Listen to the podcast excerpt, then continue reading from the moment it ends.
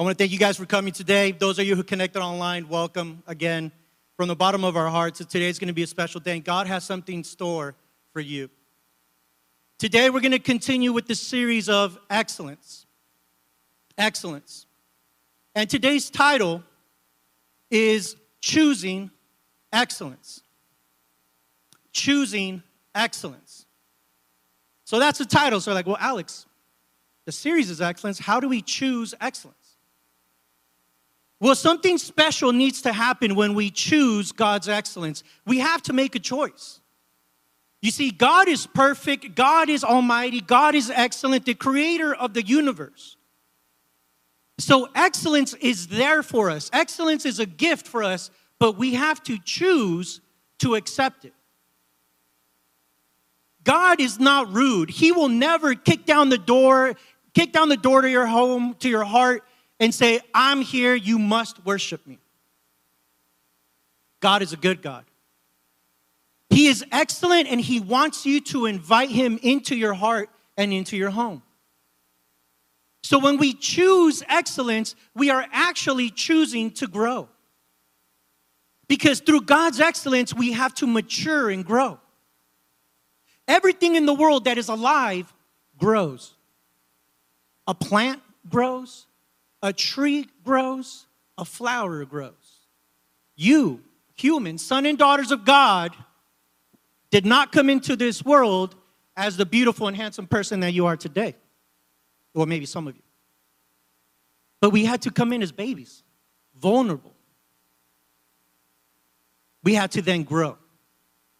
Everything of God creation has to grow. Your faith in God, you don't come out of the womb just knowing that God is your Savior.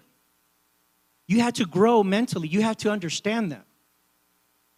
So, today we're going to go over what it is to grow, the challenges with growing, and four things to remember when we are choosing God and choosing excellence. Back in, I know some of you are going to laugh at me, especially some of you holiness out there. Back in the early 20, 2000s, maybe late 90s, don't look at me crazy, Lucas. That's not that old. That's not that old, buddy. So in the early 2000s, there was this toy store, big toy store in the country, United States, called Toys R Us. Who remembers Toys R Us? Gabby, you remember? I know Gabby remembers Toys R Us. Gabby. Vicky's like, what is Toys R Us? Does it come in Amazon and can I get it tomorrow? That's all I care about. So Toys R Us had this song, this jingle. Who remembers the Toys R Us jingle? Gab, you don't remember? That's because you're not that old. I'm trying to act young and try to, you know, date myself. Toys R Us had this song. They had a commercial, and it was the biggest toy store in the country. And the jingle in the song on the commercial was, I don't want to grow up because I'm a Toys R Us kid. And I'm not going to sing it because I'm not going to embarrass myself in front of Christian. Where's Christian at? I, I dare not try to sing in front of Christian. So the song goes, I don't want to grow up. I'm a Toys R Us kid. I wasn't singing, I was just getting with the jingle. But the kid saying, I don't want to grow up. I just want to play all day. I want to play with these toys, and I just, I don't want to have any responsibilities. I don't want to go to school. I want my Xbox. Back then, maybe it was just Nintendo. And then, again, all you want to do is ride your bike. You just want to be a kid your whole life. You don't want to grow up. And that song is perfect because it captures the spirit of a child. I don't want to grow up. But then what happens? What happens, Colin? We grow up. And then you got to get a job. And then you realize those cool Toys R Us toys are really expensive. You could have gone to Walmart and got a better deal. Toys R Us is expensive. Someone's got to pay for those toys. And then you realize, man, it's not cool growing up. Growing up kind of sucks. It's not good. I got responsibilities. I got a job. I got to go to school. I got to do homework. I got to pass a test. So then we're like, I don't want to grow up. When we choose Christ and when we choose excellence, we're actually choosing to grow. But even with Christ and choosing to grow in Christ, sometimes we tell God, I don't want to grow up. I don't want that blessing because I don't want the pain of growing up. You see, because growing up is painful. You, you grow up and you have heartbreak. You grow up and you realize that you have to get up really early in the morning. You have to get that job. Your knees hurt, your back hurts because you're growing. It's stressful on your body.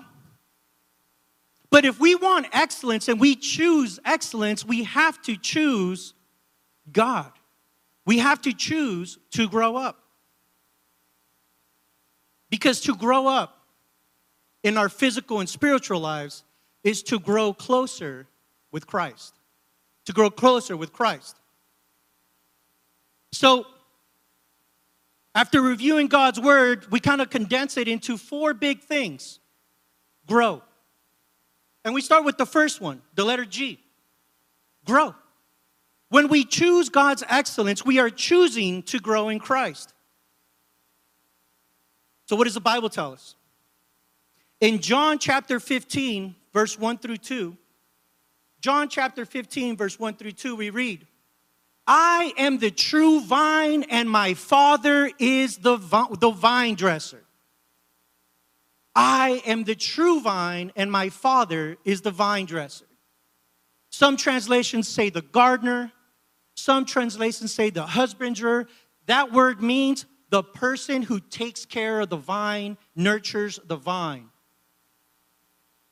So here the Bible is telling us that I, God, am the true vine. This is Jesus and my Father is the vine dresser. So even the Bible talks to us about being part of a living organism, a vine, a vine that gives fruit. When we grow in Christ God, God has helped us grow. One way He does this is pruning. Ouch. What's pruning? Pruning, or to prune, is to remove something that is not benefiting you. Pruning is to cut away. Cut away something from your life, cut away something from your vine that you don't need. It might be dead, it might be hurting you. The thing that is growing on you, you don't need in your life, so God might prune it and take it away. But the Bible continues. The Bible will tell us that pruning also is pruning fruit. It removes fruit. And those of you who gardening, this might make sense to you, but those who don't garden, you're like, that doesn't make any sense. If there's fruit, why would I cut it? It's fruit. You see, to prune, when a gardener prunes a tree and he prunes fruit, there might be overgrowth. So there might be 20 fruits, 30 fruits, 40 fruits. It might be too much. That if it only has a set amount of energy, amongst 40 fruits, the fruits get this big. They're not that big. They don't get all of the goodness because it has to share it amongst so many. So you see, God says, you know what? You don't need that extra growth. I'm going to take away something from your life that looks like fruit, but that's because it's going to resource and put all that energy back into the vine where it needs to to grow bigger fruit. Some of you are looking at me like, Alex, I am not a gardener. No soy un jardinero. But you are a fruit giver. God, through you, blesses others and you have fruit. And sometimes, God will take something from your life that is unjust, that doesn't make sense, that in your head and your perspective from this world says, Why did God take that away from me? This was good fruit. But that is you with your human mind and your world perspective looking at God's miracle. You see, through God's perspective, that fruit is only so big and can only get so big, but God knows exactly where to cut to make it grow bigger, to have bigger fruit. So, where do we see that in the Bible? The second thing we have to learn is if we're going to grow in Christ, right? You have G and then you have R, which is to rely on God. We have to trust in God, the vine dresser. We have to trust Him. In John chapter 15, verse 3, we read, You are already clean because of the word which I have spoken to you.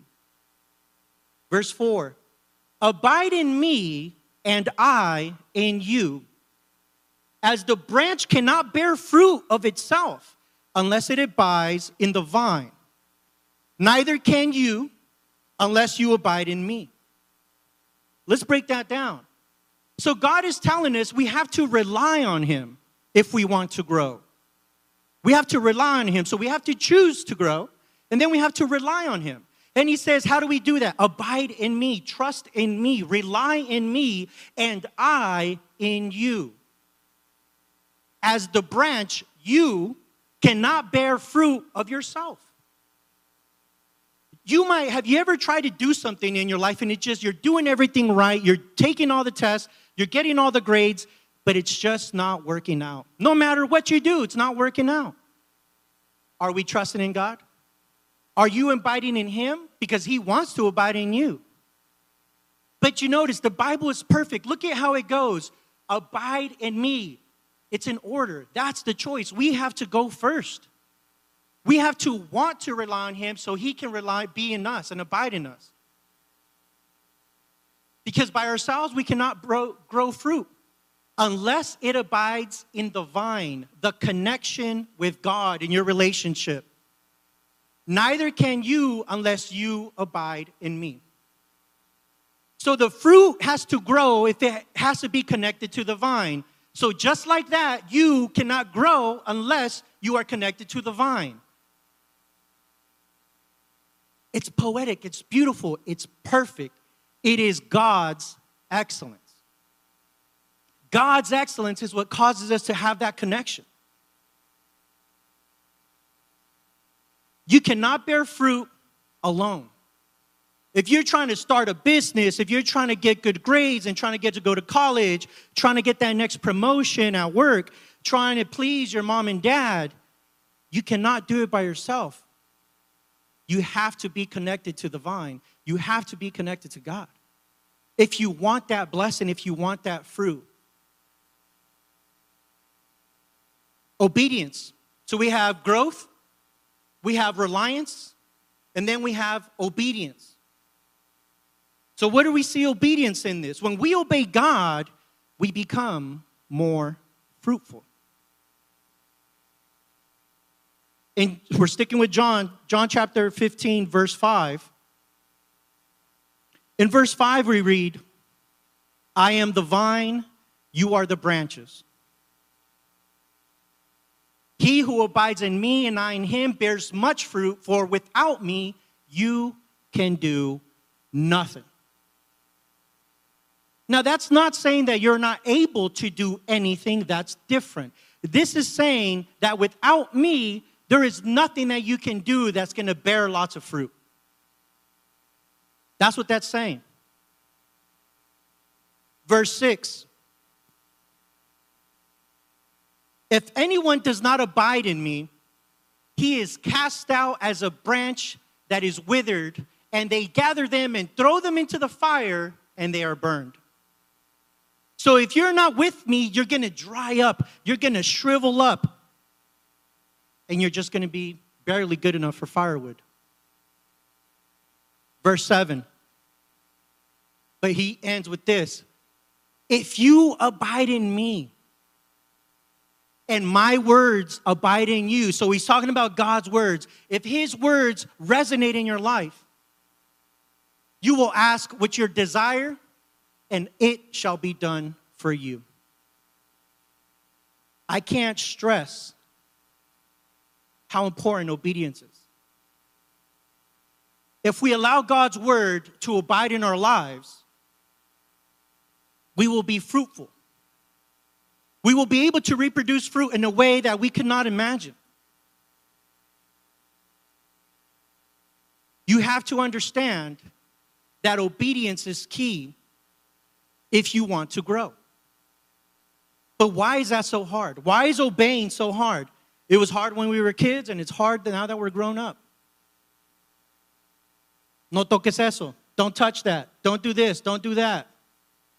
Man, but it's really fun. It's really fun.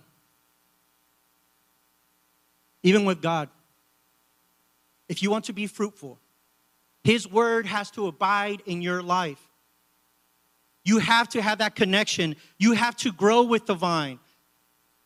I know it's tiring to say, oh, it's Sunday. Oh, it's raining. It's so comfy. These blankets are so comfy. I don't want to get up. I don't want to grow up. But being able to come to receive and opening the Bible and letting God talk to you through His Word is the, exactly the nutrient, it's exactly the morning breakfast that you need. That's breakfast in bed when you can open up and nourish your soul with God's Word.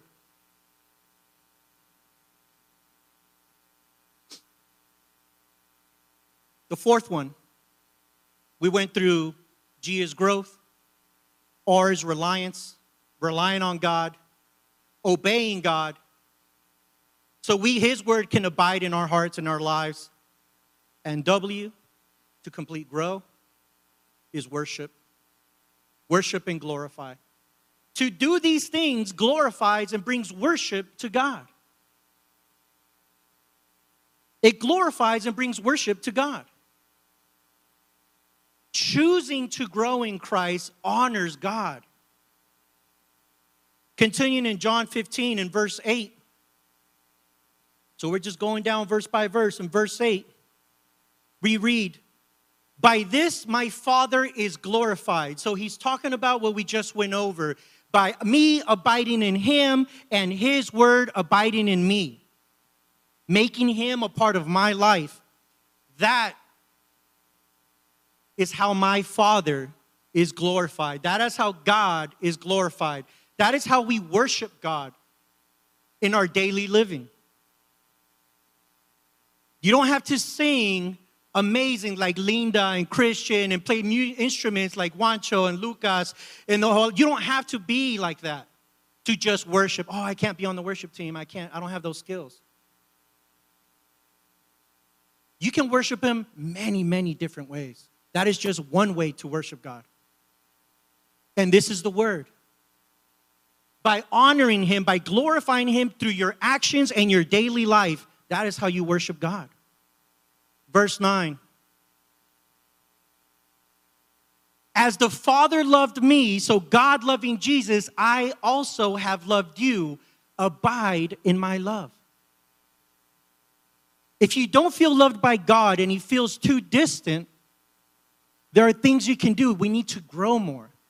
Maybe something has to be cut from your life that's preventing you from getting there. Verse 10 If you keep my commandments, you will abide in my love. So here it's telling us, okay, Alex, how do I abide in him? Here we go. Abide in my commandments, obey just as I have kept my Father's commandments and abide in his love. We know what the Ten Commandments are. He lays it out perfectly for us. This is excellence. To live in excellence, to abide in his love, follow his commandments. Being able to have God's love is one of the best fruits you can have in your life. Because if you have the fruit of God as love in your life, you can share that with someone else. It will transform somebody's life, whether you believe it or not, whether you were trying to do it or not.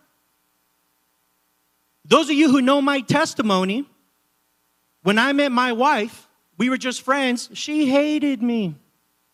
Hated me. She couldn't stand me. I was a very arrogant person, and I thought I was a good guy. But that's because I was making my own God. I was making God in my image. And if you don't know, that's breaking a very big commandment. Don't do that. But it was my wife's, well, friend at the time, it was Stephanie's love for God because she was full of this fruit that attracted me to her. I'm like, there's something different about her. And it was God she had fruit. And without her trying to convert me, without her trying to get at me, she actually didn't want anything to do with me. Seeing that she had this fruit, seeing that she had this love abide in her. And then when I found out it was God, I was sold because I knew I was missing that in my life. Back then, I thought I had it all car, house, friends. I realized I was empty and I had nothing. I had nothing. When God takes something from our lives, it is painful. It's probably one of the hardest lessons we have to learn in life is the feeling of loss, grief, and pain when something gets taken away from your life. Maybe it's a family member. Maybe it's a job. Maybe it's a church and you have to move, a mentor, a teacher. Being a grown up is hard. You have to learn how to deal with loss. You have to learn how to deal when God is taking something away and pruning. And it's easy as humans to just look at the flesh and say, that's not fair. I don't deserve that. That's unjust. God, send your fire and rebuke him. Doesn't work that way. Because you have to remember something. Remember what happened to Job. God doesn't allow anything negative to happen to your life without even the enemy having to ask God for permission to touch your life. Remember that. If you're going through hard times right now and you're going through an injustice, you're going through something that is not fair, you're going through something that is extremely painful, I understand. I don't understand what you're going through. I understand with the emotion. Because I understand what it is to have injustice. I understand what it is to be unfair. I understand what that means. So when I tell you that God understands because He created, He knows what is injustice. You don't have to tell and cry injustice to Jesus. He died on the cross for everybody's sins as an innocent person. So whenever you want to look at and cry injustice, I know that's what we want to do because that's our flesh. We have to remember who died on the cross.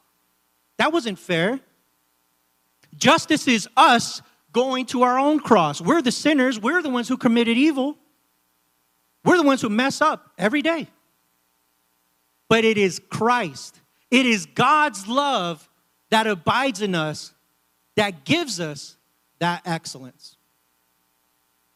So, why choose excellence? Lucas, can you help me up? Thanks.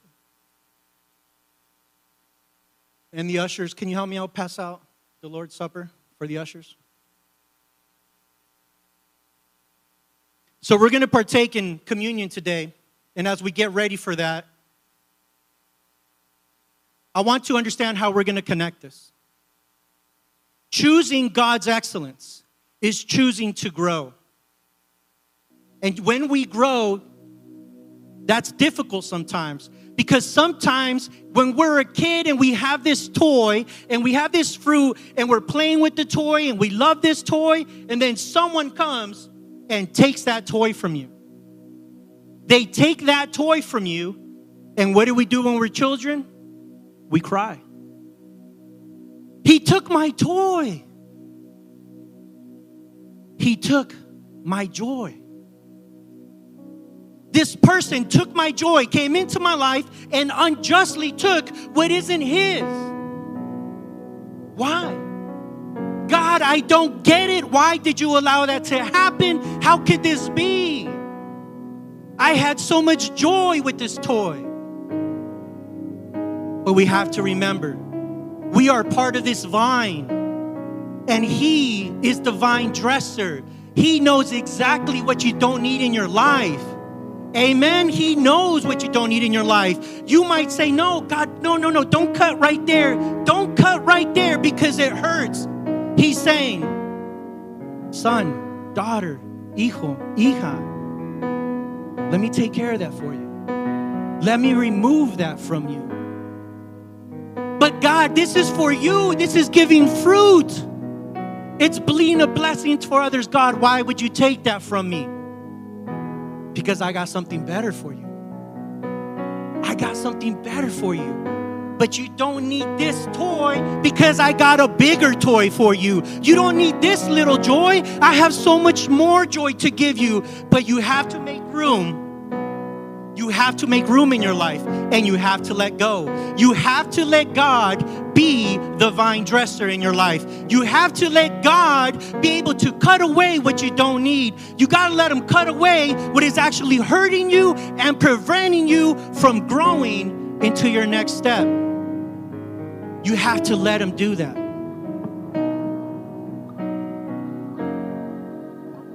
We started with the Toys R Us song that said, I don't want to grow up. I'm a Toys R Us kid. But hopefully today, after hearing this word, the song changes. And the song changes to, I want to grow up because I'm a Jesus Christ kid. I want to grow up because I'm a Jesus Christ kid and I know it's going to hurt, but I know that dad, God has my back and he's going to protect me. He's only going to take away what he knows he needs to take away. God is the master gardener of your life. He is the master caretaker. He is the master vine dresser. If you're experiencing that in your life right now, I pray for you. Right now, we're going to be sharing. Let's pass it around, please. Thank you. We're going to be sharing in communion. And if we can put on the screens 1 Corinthians 11 23 25.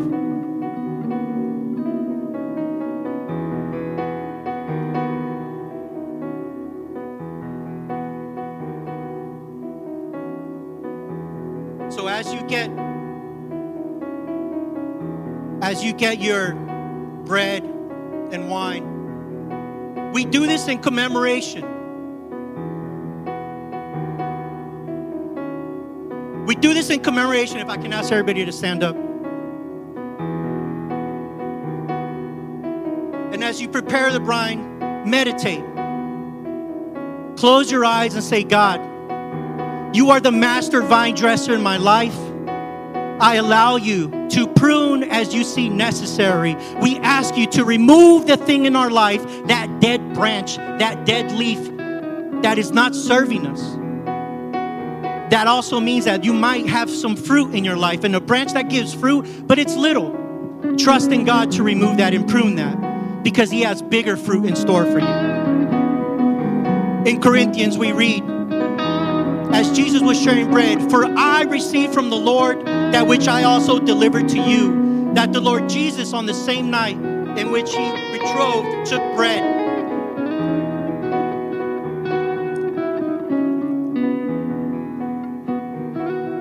He took the bread, he broke it and said, Take, eat. This is my body, which is broken for you. Do this in remembrance of me. You can take the bread.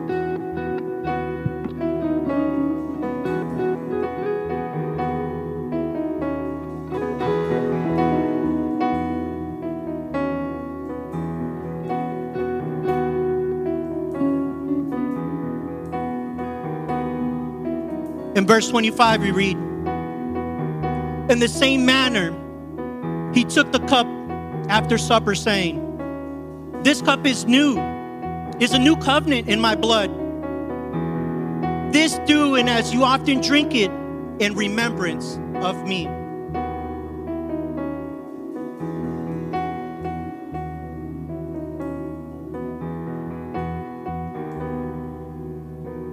As you partake of the bread and the wine, Jesus' blood in our life, like a plant, like a tree, it needs nutrients.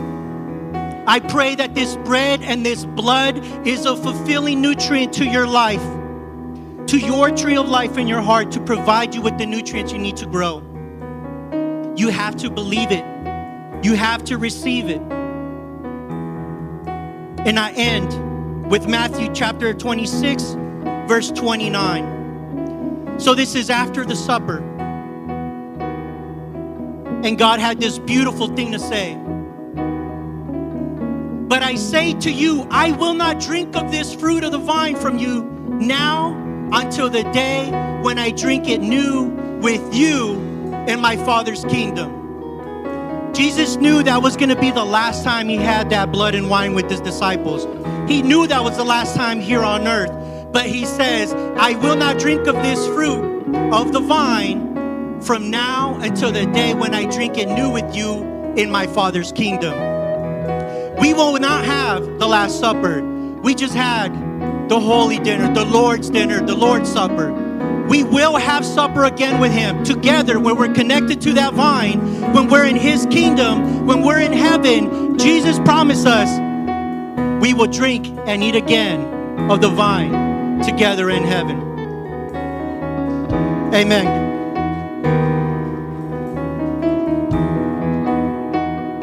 For those of you who are online, thank you for joining us. We hope that this word was of blessing to you. We hope that if you're dealing with struggle today, that today is the beginning of a new leaf, a new life, a new growth. Trust in the Lord and grow. Grow. Grow in Him. Rely on Him. Obey His word and abide in His word because that worships Him and that glorifies Him. For all you online, we thank you. We hope to see you again next Sunday. Church, I love you.